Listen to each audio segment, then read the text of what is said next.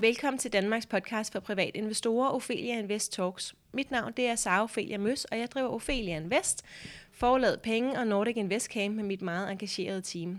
Vores mission det er at skabe rum for læring, og vores vision det er, at alle danskere skal vide, at investeringer er på bordet, hvis vi altså vil det. Det er helt frivilligt. Strukturen er, at vi udkommer ugenligt i 30 minutter, og vores hovedsponsorer det er Almindelig Brand og Spotlight Stock Market. Dagens tema det er skat, og jeg ved, at I har ventet længe på det, så, så lad os endelig komme i gang med det. Jeg sidder her sammen med Lene Schønebæk, som er skattechef hos Finans Danmark. Og velkommen til dig, Lene. Tak skal du have. Vil du ikke starte med at fortælle en lille smule om dig selv og din baggrund, måske din uddannelse, hvordan du har havnet i sådan et job her? Det kan du tro, det vil jeg gerne. Jamen, jeg har arbejdet med skat i hele mit arbejdsliv, og det er ved at være langt efterhånden, så jeg har en rimelig bred erfaring. Jeg har arbejdet øh, hos det offentlige skattesystem i mange år, inden jeg gik over til den finansielle sektor for snart 13 år siden, hvor jeg har været i Danske Banks øh, skatteafdeling, hvor jeg også har været med til at rådgive kunder og undervise internt. Og så har jeg været i et mindre revisionsfirma, hvor jeg har hjulpet med at udarbejde selvangivelse for kunder. Og så er jeg i dag landet i Finans Danmark, hvor jeg har været i to år. Og mit fokus herinde, det er investeringsforeninger først og fremmest, men også sådan investering bredt. Og er der øh, nu mange af dem, jeg kender i, i mit bagland her, i vores Facebook-grupper osv., vi, vi er generelt forvirret omkring skat. Er det tendensen generelt derude blandt danskerne? Er, er alle øhm, sådan over en kamp relativt forvirret? Jeg har lavet mig fortælle, at vi har et mere kompliceret skattesystem end mange andre lande, særligt når det kommer til investering. Så er vi alene, eller, eller er, er det en... I på ingen måde. I på ingen måde alene, og ja, investering er et af de områder, der er mest komplekse. Inden for skat? Inden for skat, ja. ja. Det er det altså. Ja, nå, så er det godt, at vi endelig sidder her sammen med dig nu. ja. øhm, sådan helt overordnet, hvordan beskattes afkast af investering? Afkast af investering, det beskattes forskelligt afhængig af, om man investerer frie midler, pensionsmidler, eller det er ens virksomhedsmidler, man investerer. Ja. Og som siger, det er, som du lige sagde lige før, meget komplekst med øh, skatten på investering. Og hvorfor er det egentlig, det er det? Jamen det er det, fordi der er så mange forskellige begreber, som er isoleret inden for investeringsområdet og skat. Så derfor er det komplekst. Jeg tænker egentlig, at vi skulle starte ud med lige sådan en lille ordbog på, mm, øh, hvad, hvad er det egentlig for nogle begreber, jeg vil, jeg vil snakke om med, endelig. i løbet af den her podcast. Ja. Altså for det første, så har vi forskellige værdipapirtyper. For det andet, så har vi forskellige øh, indkomsttyper. Ja, værdipapirtyper, det kunne være aktier og obligationer. Det kunne være yes, aktier. Godt, bare ja. så vi lige får det på ja, plads. men den, jeg vender tilbage til ja, den, ja, så ja, ja. bare sådan at sige, jamen der er forskellige indkomsttyper, der er aktieindkomst, der er kapitalindkomst, der er forskellige opgørelsesprincipper også, altså hvordan finder jeg ud af, hvor stort mit gevinst og tab er. Der er lagerprincip, der er realisationsprincip. Vi kommer ind på det øh, lidt nærmere. Fantastisk. Senere. Jeg tænker måske lige til at starte med for at lige sige de her øh, værdipapirtyper. Ja. Nu nævnte du aktier, obligationer. Ja, aktier, det tror jeg, det ved vi vist alle sammen, hvad er. Der går vi ud og køber en eller anden andel i en virksomhed. Det kunne være Novo Nordisk, det kunne være Vestas. Det ved vi, hvad er. Men så er der investeringsforeningerne, som vi også skal snakke lidt om, de her mm-hmm. investeringsforeningsbeviser. Der køber vi jo en bredere andel i forskellige virksomheder, som en investeringsforening ligesom har pakket ind og køber for os, og så køber vi en andel i den her investeringsforeninger. Og der er to forskellige typer af investeringsforeninger, sådan overordnet. Ja. Og det er de udlodende, altså dem, der betaler et udbytte til dig hvert år, hvor du får en andel af det overskud, som investeringsforeningen har haft i det forrige år. Og så er det det, vi kalder de akkumulerende foreninger, hvor man øh, hvert år samler overskuddet op i foreningen og ikke udlodder. Det er sådan de to typer, vi, vi arbejder med. Inden for øh, fonde? Inden for fonde, ja. Yes, godt. Øhm, skulle vi prøve lige at kigge på forskellen på aktieindkomst og kapitalindkomst? Ja. Ja. Lad os gøre det. Ja. Jeg tænker, lad os starte med aktieindkomst. Yes. Hvad er det egentlig, der bliver beskattet i aktieindkomsten? Ja. Jamen, der har vi gevinster og udbytter fra almindelige øh, aktier og fra de aktiebaserede investeringsforeninger. Og det er altså både de udlådende og de akkumulerende investeringsforeninger, som går ind i aktieindkomsten. Og at de akkumulerende går ind i aktieindkomsten, Det er faktisk nyt her fra 2020. Jeg skulle lige til at sige, det har jeg da ikke hørt før. Jeg plejer at fortælle, at de ligger under, øh, under kapitalindkomsten. Ja, men så og de er lige rykket her 1. januar. Ja, det Ej, har du simpelthen spændende. haft fuldstændig ret i indtil for et par uger siden. Fra 1. januar 2020, der har det været muligt for investeringsforeningerne, både de danske og de udenlandske, at give besked til Skattestyrelsen om, at de gerne vil være aktiebaserede, sådan så investorerne får afkastet beskattet i aktieindkomsten. Og det gælder jo som sagt både de udenlandske og de danske. Det vil sige, det vi populært kalder ETF'erne, det går faktisk ind under det her. Det vil sige, hvis du køber en udenlandsk ETF i 2020, og de står på den liste, som Skattestyrelsen har offentliggjort, jamen så bliver dit afkast beskattet som aktieindkomst. Ophelia Invest Talks er sponsoreret af Spotlight Stock Market. Spotlight er markedspladsen, hvor investorer og vækstselskaber mødes. Hos Spotlight er det enklere og tryggere for selskaber at være noteret. Lad os tage kapitalindkomsten. I kapitalindkomsten, jamen der har vi så de øh, obligationsbaserede, altså der, hvor investeringsforeningerne har købt obligationer. Eller vi bare selv har købt Eller obligationer. vi bare selv har købt obligationer. Ja. Ja. det går også ind i kapitalindkomsten. Og der får, kan man også øh, medregne, hvis man har købt nogle finansielle kontrakter. Ja, Så sådan noget CFD'er CFD'er, futures, valutaterminskontrakter, så noget går også ind i kapitalindkomsten. godt. Så alle de der certifikattyper og obligationer, det ligger under kapitalindkomst. Det ligger under kapitalindkomsten. Yes. Og skal vi måske lige repetere øh, skattesatserne her for, øh, for 2020? Hvordan ligger de under Ja, aktieindkomst? Lad os gøre det i aktieindkomsten. Jamen, der er det sådan, at øh, de første 55.300, man får i udbytter og gevinster, der skal man betale 27 procent i skat. Og hvis man får mere, så er det 42 procent af resten. Og de her 55.300, det er det, vi kalder progressionsgrænsen, som stiger lidt hver Ja, år. den stiger lidt hvert år. Ja, ja, så den er lige steget her for nylig. Øh, Den 1. er, den er stedet for nylig. Ja, Ja, det er den. okay. Yes. Godt. Og, og hvordan så med kapitalindkomsten? Kapitalindkomsten, jamen øh, der har vi faktisk fire satser. Se, det, ja, det, jeg startede med at sige, at det var komplekst det her, ikke? Der har vi fire satser, og det er altså 25, 33, 37 eller 42 procent. Og det afhænger altså, hvordan ens kapitalindkomst den er i øvrigt. Altså, hvor mange renteudgifter har du for eksempel på din bolig? Hvor, ja, hvor mange øh, har, du, har du solgt en bolig, du har tjent penge på? Det går også ind i Så kapitalindkomsten. lønindkomst? Lønindkomst? Nej. Ikke lønindkomsten? Nej. Lønindkomsten, øh, det er det, vi kalder personlig indkomst. Det er personlig Ja. indkomst? Okay. Men igen kan det også have betydning faktisk for din kapitalindkomst, Ja. hvis du har en lønindkomst, der er under topskattegrænsen. Ja. Fordi så kan du få mere til den lave sats på de 37. Så, Godt. Ja, så derfor vil jeg Altid. nøjes med at sige, at det afhænger af indkomstens størrelse. Yes. Godt. Hvis vi så øhm, øh, kigger lidt på øh, realisationsprincippet, eller er der Ja. mere, du vil sige til det andet? Nej, lad os, tage, lad os tage realisationsprincippet. Ja, der kommer vi jo så måske øh, til os at, at snakke om øh, lagerprincippet, men lad os starte med realisationsprincippet. Lad os starte med realisationsprincippet. Hvad er det? Jamen, det betyder jo, at øh, når du sælger din aktie, så skal du beskattes af den gevinst, du har haft i hele den periode, hvor du har ejet aktierne. Så hvis jeg køber en aktie i 2020 og sælger den i 2030, så skal jeg ikke betale skat i mellemtiden. Ikke af den værdistigning, der er Nej. på, på aktien. Nej, Godt. det skal du ikke. Skal jeg betale skat af noget andet i mellemtiden? Du skal Udbytterne? skatte udbytter. Yes, Ja, godt. præcis. Er der andet end udbytterne, jeg skal betale skat af i mellemtiden? Nej, Godt. det er der ikke. Altid. Yes. Og, øh, og realisationsprincippet, øh, så det betyder bare, at når jeg realiserer mit, min gevinst eller mit tab, det er der, jeg bliver beskattet. Det er der, du bliver beskattet, ja. Og det her realisationsprincip, det gælder for almindelige aktier, og så gælder det for aktiebaserede investeringsforeninger, som udlodder. Så ikke de akkumulerende. Nej, ikke de akkumulerende.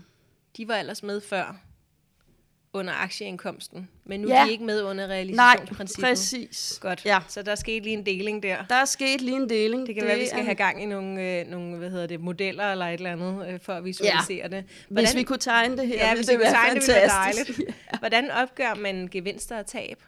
Jeg tænker, det er noget af det, som, som folk måske ofte har lidt svært ved at gennemskue. Jamen, det man gør, det er, at man går ind og siger, hvor meget, når jeg sælger min aktie, hvor meget får jeg for den, minus de omkostninger. Der vil altid være en kortage i forbindelse med salget. Det har man fradrag for.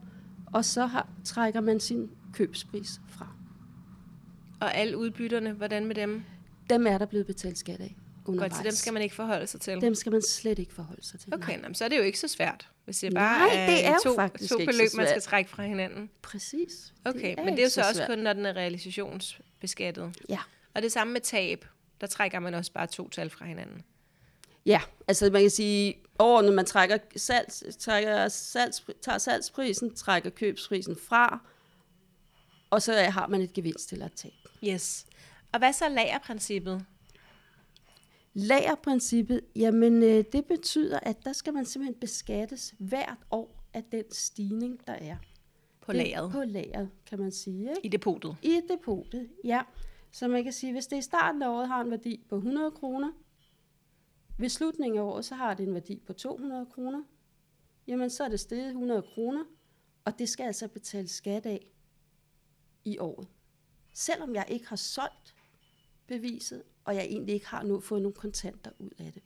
Og det, er det alle ETF'erne, Det er alle ETF'erne, ja. ja, og de akkumulerende fonde, Og de akkumulerende og de fonde. akkumulerende fonde, ja. Ja. Øhm, godt, så vi skal måske være forsigtige med, at vi ikke har alt for meget af den slags, fordi så får vi jo en stor skatteregning, hvis det er gået godt i året.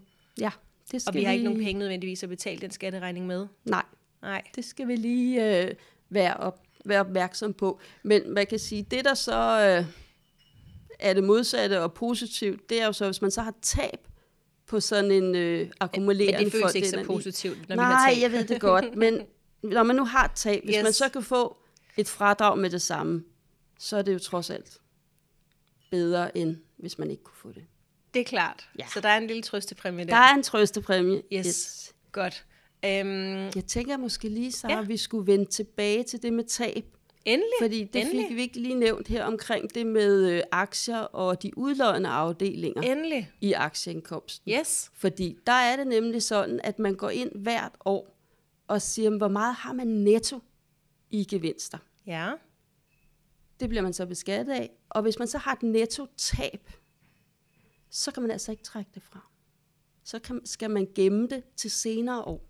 Ja. Det vil sige, hvis jeg i 2020 har et tab i min, på nogle aktier, på Nogle almindelige aktier. nogle helt almindelige aktier på 100 kroner, så øh, skal jeg gemme det, skrive det på selvangivelsen, og hvis jeg så i 2021 tjener 200 kroner, jamen så kan jeg modregne de 100 kroner, sådan så jeg kun bliver Og det sker ikke automatisk. Det sker automatisk. Det sker jo, og Ja. Gud, Gud skal takke og lov for det, fordi jeg sad lige og tænkte, jeg tror, der er mange af os, der ikke øh, får skrevet de fradrag ned og så videre. Ja. Godt, så det sker automatisk. Vi Det sker ånde lettet op igen. Jeg blev helt nervøs der.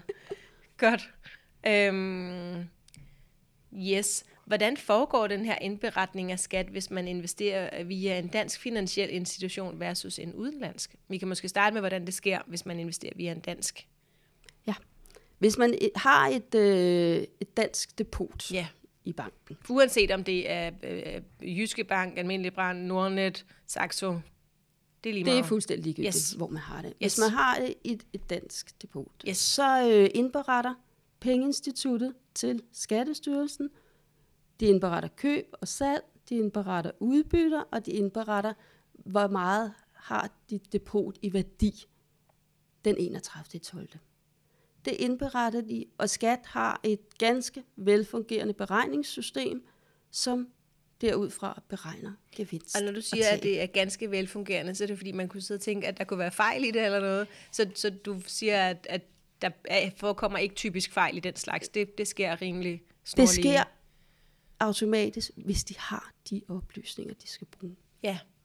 Og Ja. hvorfor skulle de ikke have de oplysninger, de skulle bruge?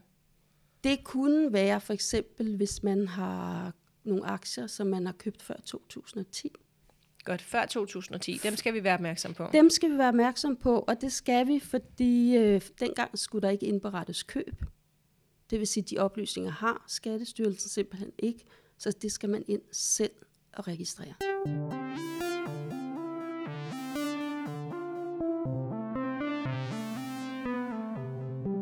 Og hvor finder man ud af lige præcis, hvad det er, man skal gøre, hvis man har aktier fra før 2010?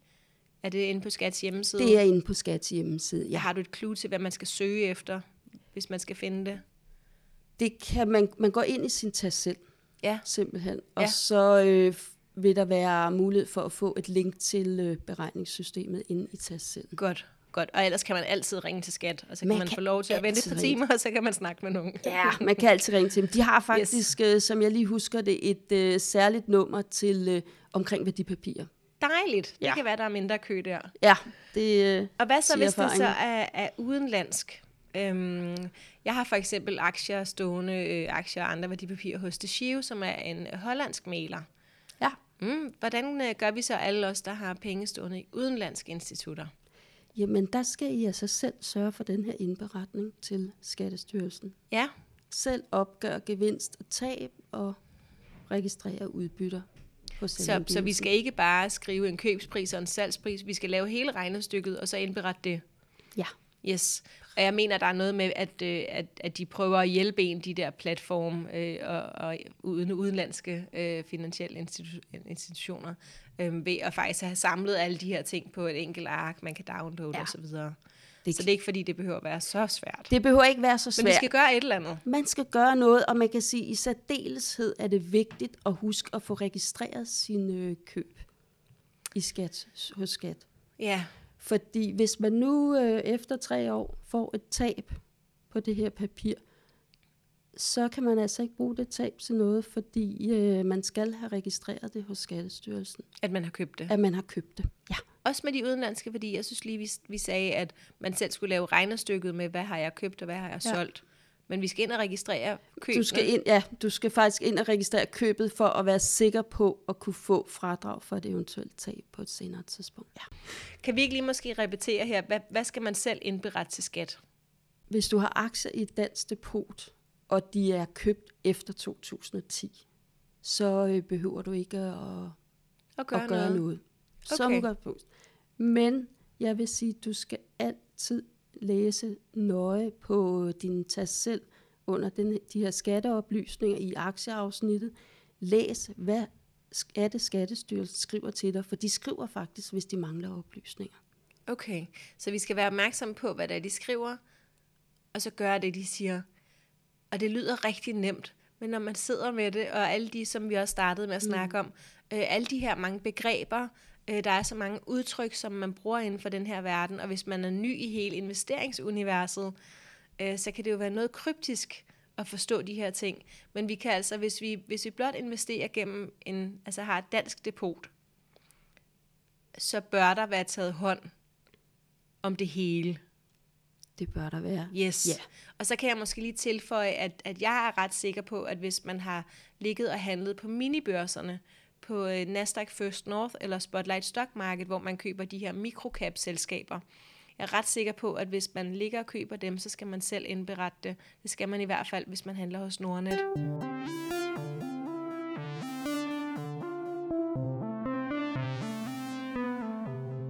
Hvilke fejl er i spil derude? Hvad gør vi galt? Jeg vil sige, det jeg ofte har set også øh, fra mit virke, både i banken og i øh, revisionsfirma, det er udfordringen her med, øh, med 2010. Hvis man har noget før 2010, det var mere aktuelt for fem år siden, end det måske er i dag, kan man sige, men der kan være nogle udfordringer med at få registreret de her købsoplysninger. Og så er der det her med, at, som jeg nævnte før, husk at læse, hvad deres skat skriver til jer. Og som ofte foretrykker de jo et beløb på selvangivelsen, siger, at vi har opgjort din gevinst til x antal tusind. Og så enig? tænker man, yes, det er i orden, den hellige grav er velforvaret, men der skal man altså stadigvæk lige læse, hvad det er, fordi hvis man nu har solgt 10 forskellige papirer i løbet af året, så kan det så godt være, at skat kun har regnet på de 8, fordi det er det, de havde oplysningerne. Og så foretrykker de altså det beløb, men de sidste to papirer skal man så lige ind og tjekke op på, hvad det er, der står. Jeg tænker, hvis man er en af dem, der handler meget, så er det jo et voldsomt stykke arbejde, Ja, som jeg tænker umiddelbart, at mange af os ikke tillægger så meget værdi. øh, hele den del. Så det er måske noget, vi skal være mere opmærksom på og snakke mere om og, og sætte tid af til. Ja, det, det tror Den jeg her registrering. Ja, men det, det tror jeg, altså, fordi man kan sige, når man først har fået registreret tingene rigtigt i beregningssystemet, så kører det altså, Ja. og beregner automatisk. Og så er det jo en kæmpe hjælp. Ja, men vi, vi er simpelthen nødt til at tjekke, at de får registreret det hele. Ja, det er vi. Ja, så på den ene side, så har skat, som du sagde, at, at de, de har styr på, at der bliver indberettet automatisk fra platformene, og de har styr på det, de beregner, men de kan godt lave en fejl. De kan godt, nu siger du, hvis vi har købt 10, og så kan det være, at de kun har beregnet på 8. Det er ikke, altså jeg vil sige, det er, jo, det er jo ikke en fejl, kan man sige, for beregningssystemet. Det er et spørgsmål om, at de ikke har de nødvendige oplysninger Så det er til måske at regne på platformen, der ikke har fået afleveret det hele. Det kan også være, hvis der er nogle, øh, det vi kalder selskabshændelser, altså nogle fusioner, spaltninger. Hvis du for eksempel har købt nogle udenlandske aktier, så er det heller ikke altid, at øh, Skattestyrelsen har kendskab til det. Godt, så hvis der har været et eller andet ekstra, noget, noget særligt, Ja. som vi måske ikke engang selv har opdaget. At, at man, det er jo ikke alle, der sidder og kigger på aktierne på ugentlig basis, men, men bare tjekker ind et par gange om året, ikke? Hvis, hvis det er noget, der ligger og er langsigtet. Det er, Okay. helt, det er helt rigtigt. At det, det, det er sådan nogle små detaljer, man er simpelthen nødt til lige at, Findes at der, holde fokus på. findes der nogle dokumenter, hvor man kan, øh, nogle hjælpedokumenter, altså nogle ark, man kan downloade hos skat til at, at holde bedre styr på det her, altså til at registrere køb og salg og, og de ting. altså, der er, altså beregningssystemet, der kan man registrere. Ja, Altså, der kan man registrere de her, hvis du køber for eksempel, så vi talt om tidligere, en udenlandsk, øh, har nogle udenlandske aktier, hvor du skal have registreret, som du har et udenlandsk depot. Ja. Men skal jeg så gøre det løbende? Altså hvis jeg nu bare går hjem og køber 10 øh, Danske Bank-aktier hos Nordnet, skal, skal jeg så for min egen skyld lige gå ind og registrere det, eller skal jeg tjekke, skal jeg skrive det ned i min egen lille logbog, og så tjekke, når året er omme, om, om skat faktisk har fået den oplysning? Altså, jeg vil sige, hvis du har, hvis du har købt danske aktier via Nordnet og har det i et depot, så indberetter det Nordnet. Så er der det. styr så på er der det. styr på det. Men det er mere der, hvis du køber det i et, et udenlandsk institut, som du selv nævnte, du havde noget Ja, i, i hos Tachio, ja. Altså, der, der skal du registrere det. Det er ikke noget, du behøver at gøre løbende. Du kan gøre det en gang om året i forbindelse Ja. med selvangivelse. Ja, men så, skal jeg jo, så ville det være smart at have en lille logbog, hvor jeg så fik noteret køb og salg løbende igennem året, så jeg havde det hele skrevet ned. Jeg ved godt, det står ind under transaktioner, men, øh, men jeg tænker, at det ville måske være rart for mange af os, at vi havde vores eget lille system. Ja, det tænker jeg lige lidt over. Det kan ja. Ja. være, at man skal lave et eller andet lille hjælpeværktøj. Det kan være, vi kender lave- nogen, der er skarpe Ja, til Excel og det sådan. kan, det kan være, I kan Så det var to udfordringer. Ja. Ja. Før 2010, aktier, der er købt før 2010, eller værdipapirer, tænker jeg mere generelt også. Ikke? Øh, og så skal vi altså læse, hvad skat skriver. Er der andre ja. store udfordringer eller fejl, som du ser, vi begår derude? Nej, det synes jeg faktisk ikke. Det, det, altså, det, er, det er de her ting, man lige skal have, have fokus på. Ikke? Og Så man kan sige, det er jo dit eget ansvar. Det er dit eget Ja, ansvar. Det er det, ja. vi, vi skal huske på. Og i og med, at det er blevet så automatisk, det hele, så kan vi måske nok indimellem have en tendens til at, at overse det. Ikke? Helt altså, jeg har stadig sådan et barndomsminde med min far, der brugte en weekend hver år på at sidde og lave selvangivelser og tælle lønsedler sammen og så videre og skrive det. Altså, der havde man et automatisk fokus på, at man fik alle oplysninger med. I dag, det foregår automatisk, og det gør det også det meste af det, men det fratager os bare ikke selv at holde styr på det. Ja, jeg føler mig frygtelig ramt, fordi at jeg føler helt sikkert ikke, at det er særlig meget mit ansvar at forholde mig til min selvangivelse. Så jeg er helt med på, øh, ja. På det, du siger. Øhm, og det er helt sikkert, fordi det er så, øh, så automatiseret.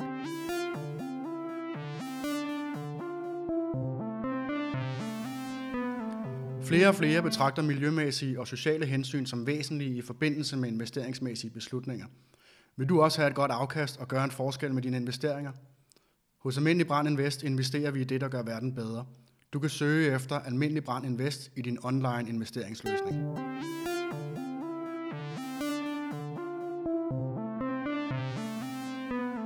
Kan du lave sådan et helt praktisk eksempel, simpelthen fra A til Z, fra jeg køber en aktie til jeg sælger med et afkast? Kan vi lave sådan et helt øh, lavpraktisk eksempel? Ja. Lad os starte med købet. Mm. Og hvis vi holder os til øh, et dansk depot, hvor du køber en aktie, så skal du som sådan ikke gøre noget. Det udløser ikke nogen former for skat eller nogen indberetningsforpligtelse. Når du så får udbytter hvert år, så bliver der automatisk trukket 27 procent i skat. Og det er sådan som udgangspunkt den skat, du skal betale. Så talte vi om nogle satser til at starte med, med 27 og 42 procent. Og altså hvis du så køber rigtig mange aktier, hvor du får store udbytter på mere end 55.300, så skal du overveje, om du skal ind og ændre din forskudsregistrering. Fordi så skal du op og betale 42 procent i skat, men der bliver stadigvæk kun tilbageholdt 27. Ja, så der skal vi til at lægge til side. Der skal vi lægge til side, ja. Og der kan man sige, der er to muligheder at lægge til side, eller vælge at ændre din forskudsregistrering og betale de der ekstra 15 procent løbende. Ja, godt. Det skal man øh, lige huske. Mm-hmm. Så kan man sige, undervejs er det de her akkumulerende fonde eller ETF'er, som vi køber. Så skal vi øh, måske i december måned lige sætte os ned og se på, hvordan har kurserne egentlig udviklet sig hen over året. Er der en stor gevinst, som vi ved, vi kommer til at skal have med på selvangivelsen, så kan det være en god idé at lave en frivillig indbetaling inden 31.12. Så kan man undgå en rente til øh, Skattestyrelsen. Der skal man selvfølgelig afveje, hvor meget man selv skal betale for, hvis man ikke lige har midlerne, hvis man skulle låne dem. Men det kunne være en mulighed lige at se på det. Det kan man også gøre, hvis man øh, har solgt et værdipapir med en stor gevinst. Overvej at lave en frivillig indbetaling. Og så man siger, når man så kommer til salgsåret, for dem, der har realisationsprincip, så skal man igen se på, jamen, hvor stor en gevinst har man haft. Skal man lave en frivillig indbetaling inden 31. 12. for ikke at få en restskat med renter. For de akkumulerende, som bliver lagerbeskattet, der bliver man jo også beskattet af, kan man sige, den gevinst, der er fra man sælger dem, hvis man sælger dem 1. maj, fra den værdi, de havde 1. januar i det år ind til 1. maj. Den er måske ikke lige så stor, som hvis det er efter realisationsprincippet, men stadigvæk overveje, om man skal lave en frivillig indbetaling. Godt. Øhm, hvilke felter i forskudsopgørelsen skal vi udfylde? Jamen, hvis vi lige starter med aktieindkomsten. Ja. De, de vigtigste felter, nu, nu tager, jeg tager bare de vigtigste Ja, ja, felter endelig, her, for ellers så bliver det alt for forvirrende at Ja. arbejde med. Altså, der har vi et felt, der hedder 501, Ja. som er udbytter på aktier og investeringsbeviser. Ja. Og så har vi et felt 502, Ja. som er gevinst og tab. Okay. Altså der, hvor man i løbet af året siger, oh, jeg har en stor gevinst, jeg vil gerne betale noget løbende skat, så skal man bruge felt 502. Yes. I kapitalindkomsten, der har vi et felt, der hedder 239, Ja. som er de akkumulerende afdelinger. Det kunne være ETF'erne, Ja. eller de almindelige danske akkumulerende Ja. afdelinger. Og så har vi et felt 330, som er øh, udlådende afdelinger, som er obligationsbaseret. Så det er obligationerne. Ja, det er sådan de væsentligste. Det er de fire vigtigste. det er de fire vigtigste på forskudsopgørelsen. Og så det, for at gøre forvirring endnu større, så desværre ikke de samme felter på årsopgørelsen. Okay. Så, så det er kun på Ja, forskudsopgørelsen. det her felter, det er forskudsopgørelsen, så det er altså ikke dig, der er helt galt på den, hvis du sidder derhjemme og kigger på årsopgørelsen og skal lave den og tænker, "Men jeg kan ikke finde de felter. Har vi dem på årsopgørelsen også? Nej. Ikke endnu. Altså, de ikke bliver, jo- altså, der bliver jo lavet nu- nye selvangivelser, og som regel er det de samme som sidste år, men der Men kan ikke komme... nødvendigvis. Ikke nødvendigvis. Der kan, Jesus. komme nogle nye, der kan jo komme nogle nye til. Ja. Der kan komme nye til, så jeg tænker, dem, Dem, dem, dem tager vi, over. når selvangivelsen Ja. skal laves. Hvordan beskattes pensionsmidler? Jamen, det beskattes efter lagerprincippet, og der betales en skat på 15,3 procent.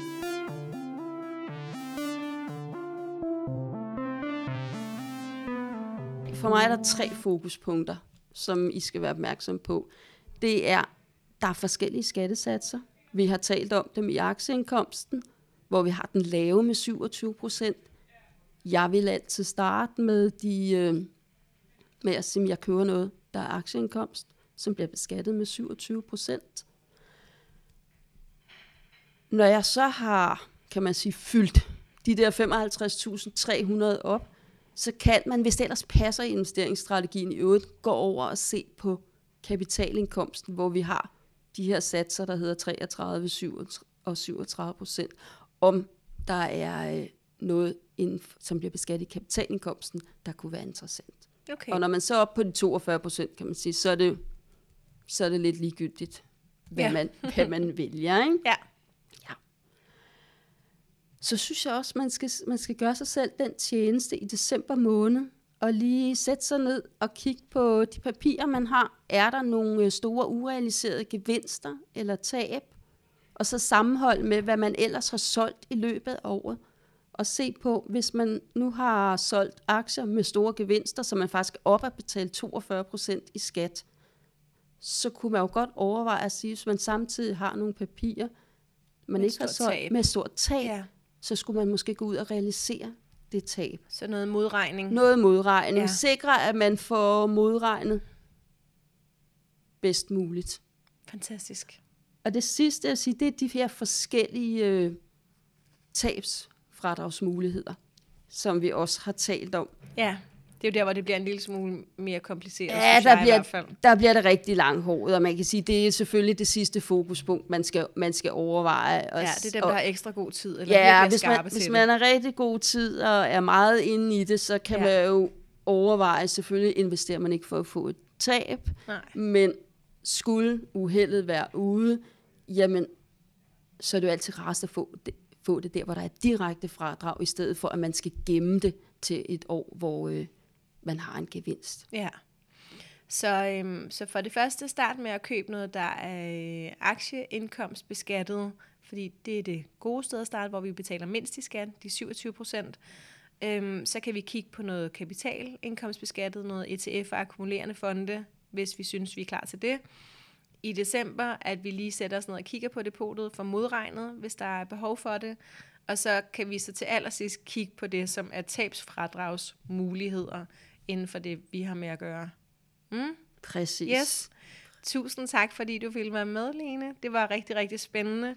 Øhm, Jeg er sikker på, at der stadigvæk vil løbende komme spørgsmål om skat derinde, men nu har vi i hvert fald dækket noget af det.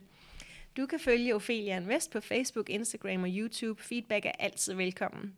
Har du ris, ros eller forslag, så send os endelig en mail på kommunikationsnabla.ofelianvest.dk. Du er meget velkommen ind i Aktieklubben Danmark og Kvindelotion på, en, hvad hedder det, på, på Facebook. Øh, og det var også der, hvor vi har samlet mange af de her spørgsmål sammen. Øhm, der sidder vi omkring 8.000 danskere og sparer om investering på daglig basis. Jeg vil lige slå et slag for vores investeringsfestival den 28. marts, hvor vi bliver 1000 mennesker. Vi samles 12 timer, vi har tre scener, og så har vi omkring 60 oplægsholdere. Rigtig mange fra Dansk Finansliv. Øhm, det bliver virkelig spændende. Øh, du kan kigge ind på nordicinvestcamp.dk og se billetterne. Og så er der bare tilbage at sige tusind tak, fordi du lyttede med.